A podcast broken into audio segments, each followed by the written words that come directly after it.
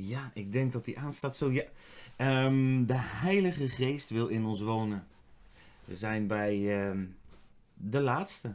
Uit dus, ja, ik, ik deel het voor mezelf een beetje in in subgroepen, maar dit, het gaat over meer van de Geest. En dit is de laatste, dat is de inwoning van de Geest. En de Heilige Geest wil in ons wonen. Wat bijzonder is dat eigenlijk, hè? als je daarover nadenkt, dat we een Heilige Geest hebben die in ons wil wonen.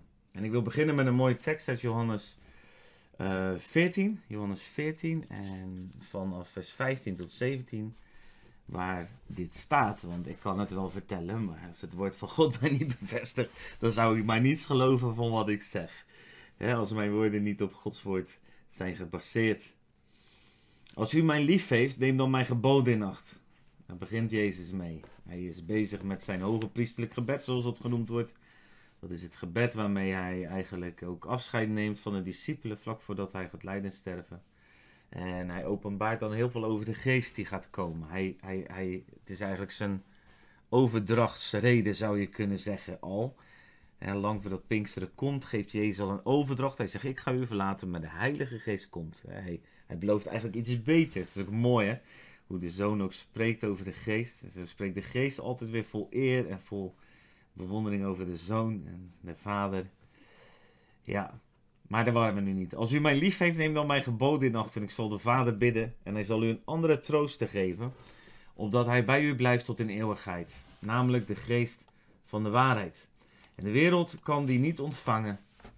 Want zij ziet hem niet en kent hem niet. Maar u kent hem. Want hij blijft in u. En hij zal in u zijn. Want hij blijft in u.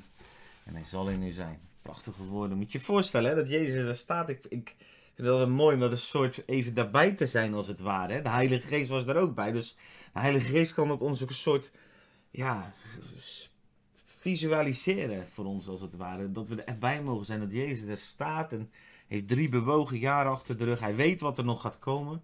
En dan zegt hij, als u mij lief neemt, dan mijn geboden, neem mijn richtlijnen in acht. En ik zal de Vader bidden. En hij gaat je een andere troost geven. Hij weet het verdriet zal komen bij de jongens die hem volgen, bij de discipelen en de vrouwen die hem volgen. Die staan daar allemaal om hem heen. En dan staat er, en opdat hij, die Heilige Geest, bij u blijft tot in de eeuwigheid. Namelijk de geest van de waarheid. En die kan de, de wereld kan die niet ontvangen, want ze ziet hem niet en ze kent hem niet. Maar u kent hem, want hij blijft in u en hij zal in u zijn. Prachtig. Hij blijft in u en hij zal in u zijn. Bijzonder. Moet je eens bedenken, dacht ik zo, als je als je gewoon eens naar jezelf kijkt. Ik, ik, als ik hierin kijk, zie ik mezelf in een beeld. Um, zo. En dan, en dan moet je voorstellen dat hier in dit lichaam, in mijn zijn, in mijn wezen, daar woont de Heilige Geest. Dat is letterlijk wat daar staat. Hij zal in u zijn. En niet zomaar even, dat vind ik ook zo mooi. Jezus belooft dus die andere troosten, die opdat hij bij u blijft tot in eeuwigheid. Namelijk de geest van de waarheid. Het staat in diezelfde tekst, hè, wat ik net las. Johannes 14, vers 15 tot 17. Ik zal een andere trooster geven. Opdat hij bij u blijft tot in eeuwigheid. Namelijk de geest van de waarheid. Dat is interessant, vind je niet? De verbindenis van ons met de Heilige Geest is voor eeuwig. Het is niet alleen hier even op aarde, maar ook daarna. Bijzonder. Hij woont in ons en hij is voor eeuwig met ons verbonden. Hoe is het zo gaaf dat de inwoning van de Heilige Geest, die Jezus hier eigenlijk tegen ons vertelt, ons direct uitdeelt boven onze aardse realiteit. We zijn eeuwige wezens. Vanaf het moment dat we door de Heilige Geest uitgeteeld zijn boven, of dat Hij in ons is komen wonen, zijn we voor eeuwig verbonden geraakt met de hemel, met de Heilige Geest. Hij, hij, hij blijft tot ons, bij ons tot in eeuwigheid. Ik, ik vind dat zo'n mooie gedachte. Direct vanaf je wedergeboorte. Dus dat komt ook, als je kijkt naar het proces van wedergeboorte, is belangrijk hè. Als je, als je kijkt naar het proces van wedergeboorte, dat is eigenlijk een proces zou je kunnen zeggen wat de Bijbel laat zien als samensmelting. En in Johannes 3 vers 6 kan je dat ook zo mooi terugvinden. Daar staat, wat uit het vlees geboren is, is vlees. En wat uit de geest geboren is, is geest. Dus onze lichamelijkheid is lichamelijkheid. Ons stof is stof. En stof zijn we en stof zullen we worden. Maar dat wat uit geest geboren is, is geest. Als wij opnieuw geboren zijn, zijn we een nieuwe schepping geworden.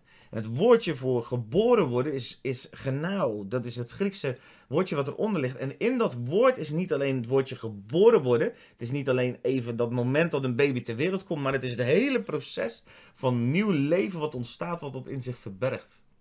Van verwekking eh, tot samensmelting van het zaadje en het eitje tot uiteindelijke geboorte zou je kunnen zeggen.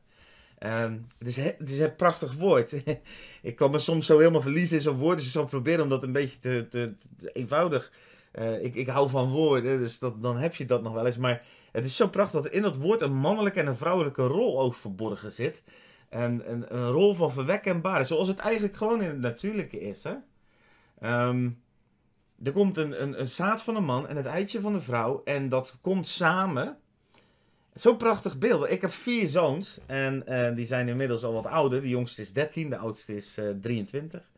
En, en die vier zoons zijn allemaal ontstaan uit samensmelting van mij en Michelle. En wij brachten daar iets samen, een deel van ons. En dat smolt zo samen. En als ik nu naar mijn vier jongens kijk, zie ik natuurlijk in allemaal wel een soort kenmerken terug. Ik zie wel dat ze uit ons ontstaan zijn. Want ze hebben, ja, soms helaas hè, kom je dingen van jezelf ook weer tegen je kinderen. Maar, maar, maar tegelijkertijd is het ondeelbaar. Je kan dat niet meer uit elkaar houden. Je kan dat niet meer uit elkaar halen. Het is, je bent ondeelbaar verbonden met elkaar. En waar de ene die combinaties combineert. Kijk, God weeft hè, in de moederschoot. Dat doet hij met de eigenschappen die wij hem geven. Dat is in het natuurlijke zo. Hè? Een man en een vrouw. En God weeft daarmee dat wat in zijn plan past. En um, waar hij ook plannen voor heeft voor zijn leven. Maar het gaat me even over die wedergeboorte, over die samensmelding, over die inwoning. Wat, wat er dus staat, even, dat laat sorry, want anders ga ik helemaal over de schoonheid van geboorteprocessen en dat soort dingen. Maar waar het over gaat, is dat in Johannes 3, vers 16 staat: wat uit de geest genauw is. Dus wat uit de geest geboren is, is geest.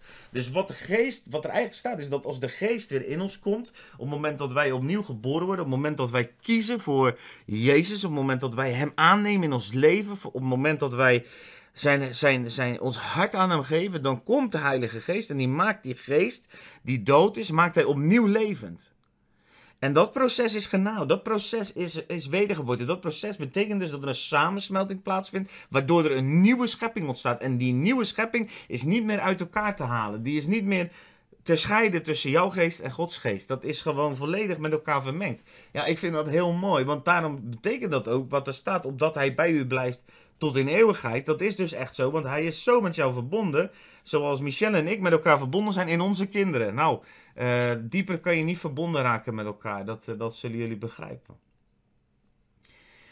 En als je, als je dat dan even tot je door laat dringen, dat je op die manier met de Heilige Geest verbonden bent, dat hij op die manier inwoont in jou, dan geeft dat allereerst denk ik heel veel rust. Dat we weten dat we die onlos, onlosmakelijk verbonden zijn. En ten tweede, um, is het dan belangrijk om eigenlijk even dat onderscheid te maken. Dat, dat, dat, dat vlees, dat is het stof, dat is je lichaam. Overigens, daar gaan we dan naartoe om het af te sluiten. Dat lichaam is wel een tempel van de Heilige Geest. Dus je bent vlees, wat uit vlees geboren is, is vlees. Maar wat uit de geest geboren is, dat is geest. Dat is de adem van God. De roewacht die zich voor eeuwig met jou verbindt. Eigenlijk terug naar Genesis 2 zou je kunnen zeggen. Dat is ook wat de wedergeboorte is. Als het ware blaast God opnieuw in het stof zijn, zijn geest, zijn adem, zijn roer. En dan staat er, wordt die geest weer levend. En um, die geest die woont dus in ons stof. Die woont dus in onze lichaam en in onze ziel. Daar woont hij in. Hij woont in. Daar hebben we aan het begin hebben we dat gezien.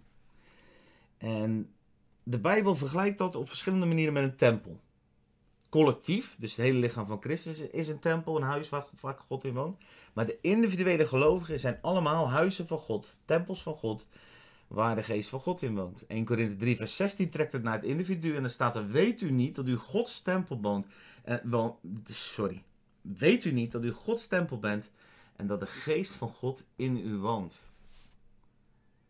Kijk, het ging bij een tempel niet om het gebouw, maar om Gods aanwezigheid. En dat is ook mooi, want Gods aanwezigheid was in de tempel van Salomo, was ook in de tweede tempel. Dan staat er de heerlijkheid van de tweede tempel zal nog groter zijn dan die van de eerste.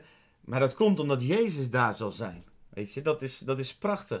En wij zijn eigenlijk de derde tempel. Dat is de tempel die herbouwd wordt. Wij zijn de tempel die nu op aarde is en waar God zijn aanwezigheid in geeft, zodat hij zichtbaar wordt aan deze wereld. Het zijn soms allerlei concepten die ons verstand gelukkig maar hoor te boven gaan. Want God is zoveel groter dan mijn beperkte brains. En daar ben ik hartstikke dankbaar voor dat ik, uh, dat ik een God dien die zoveel groter is dan mij. Uh, als ik hem klein zou kunnen krijgen, ja, waarom zou ik hem dan nog dienen? dus laten we soms ook gewoon geloven dat het is zoals hij zegt. in plaats van dat we het gaan beredeneren, maar dan mogen we het geloven en eruit leven. Het ging in de tempel, in het gebouw, ging het niet om het gebouw, maar om Gods aanwezigheid. Het gaat ook niet om mijn gebouw, alhoewel ik daar echt zorg voor moet dragen. Ik geloof echt dat God dat van ons vraagt, dat we onze tempel goed onderhouden. Kijk, hoe langer ik met mijn lichaam kan doen, hoe gezonder ik ben, uh, hoe meer ik ook van zijn geest uh, uh, daar, daar doorheen kan laten stromen. Hij geeft mij een lichaam om daar doorheen te stromen. Overigens, dat het zegt niks over mijn gezondheid. Want ik ken heel veel zieke mensen waar Gods geest zeer krachtig doorheen kan werken. Juist omdat ze ook verbroken zijn in hun lichaam. Neem grote getuigenissen zoals... Uh, uh, ja, bijvoorbeeld, ik, ja, ik ben niet zo goed in namen, maar ik geloof dat hij Nijik heet of zo. En hij heeft geen armen en geen benen en getuigt altijd van Gods kracht. Jordi, er zijn zoveel mensen, ik ken zelf ook mensen in mijn omgeving, lieve mensen zoals mijn vriend Frans, die met Parkinson al de hele tijd inmiddels in een rolstoel zit. En altijd komt de liefde van God uit hem. Dus het gaat niet altijd om je gezondheid, maar het gaat wel over hoe je, hoe je met je tempel omgaat. En of die tempel een plek mag zijn waarin God mag wonen. Een dwelling place, een plaats waar hij zijn heerlijkheid kan geven en achter kan laten.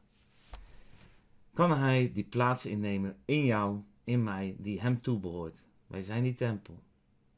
Ik moest denken nog, en daar ga ik mee afsluiten aan, aan, aan een tekst uit Jacobus 4, vers 5. En ik lees die even in de NBG-vertaling. Want dat vind ik eigenlijk de meest krachtige vertaling. En het is het meest dicht, denk ik ook, bij hoe het woord het zegt. Daar staat: Meent gij dat het schriftwoord zonder reden zegt?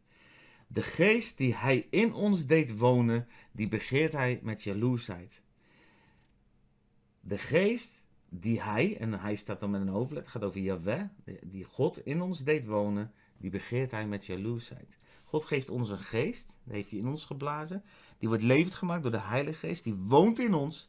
Maar God begeert die geest. Want het is zijn geest. En ik zeg ook vaak, wij leven van geleende adem. Het is zijn geest in ons en hij begeert dat die geest volledig toegewijd aan hem mag zijn. God is jaloers God. En, en dat is een heilige jaloersheid. Hij wil zichzelf helemaal. Hij, wil, hij gaf alles voor jou, maar hij wil ook alles van jou. Hij wil jou helemaal terug zoals hij ooit zo geconnect was met Adam en Eva. En hun die positie gaf in die schepping. En jij bent die tempel. In jou woont de geest. Voor eeuwig is hij met jou verbonden is onze tempel toegankelijk voor anderen? Of moeten ze door allerlei rituele voorwaarden en drempels heen?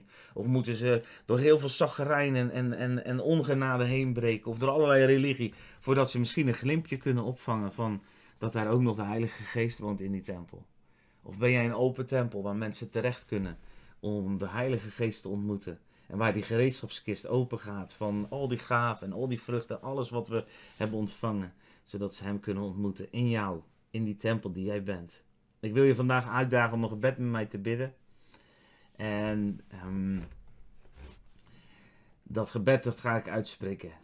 Heer, dank u. Ik, ga, ik lees het één keer eerst voor en dan gaan we het met elkaar bidden. Dan weet je ook wat je zegt namelijk. Heer, dank u wel dat u onlosmakelijk verbonden bent met mij. Voor eeuwig, nooit meer alleen. Ik ben een tempel, een plaats waar u woont en ik wil u zichtbaar maken. Toegankelijk voor anderen, zodat anderen uw liefde en goedheid en kracht kunnen zien door mij heen. Amen. Want daar gaat de inwoning over. Allereerst dat wij zelf voor eeuwig verbonden zijn, met dat die verbondenheid die wij hebben met Hem ook plaats krijgt in deze wereld. Lieve Vader, lieve Zoon, lieve Heilige Geest. Je mag me nabidden als je dat wil. Heer, dank u dat u onlosmakelijk verbonden bent met mij. Voor eeuwig verbonden. Nooit meer alleen. Ik ben een tempel. Ik ben de plaats waar u woont. En Heer, ik wil u zichtbaar maken. Toegankelijk voor anderen. Zodat ook anderen uw liefde, uw goedheid en uw kracht kunnen zien door mij heen. In Jezus' naam. Amen. Als dit gebed meegebeden hebt, dan hoop ik dat je ervoor open staat dat God uh, nieuwe verrassingen in je leven teweeg gaat brengen. En ik wil je ook vandaag nog geven of jij deze dag wil kouwen op deze woorden die God in het woord in Jacobus 4 vers 5 zet en ik met je gedeeld heb. Of, en waar staat er, de geest die hij in ons deed wonen, die begeert hij met jaloersheid. God is jaloers op de geest die hij met jou heeft verbonden en die wil hij, hij wil jou helemaal. En ik wil je dat meegeven vandaag. Pak gewoon, zet even drie wekkertjes in je telefoon. Dat je op drie momenten hier gewoon even over na gaat denken. Over gaat doorbidden. Heer, u begint mijn geest met jaloersheid. Bedenk dat eens in. Denk daar eens over na. En dan niet op de onheilige manier zoals mensen soms jaloers zijn op elkaar. Zeker ook in het christendom. Maar op een heilige, vurige manier van een zuivere God. Die weet, jij bent van mij en ik wil jou helemaal. Ik zegen je voor deze dag. Amen.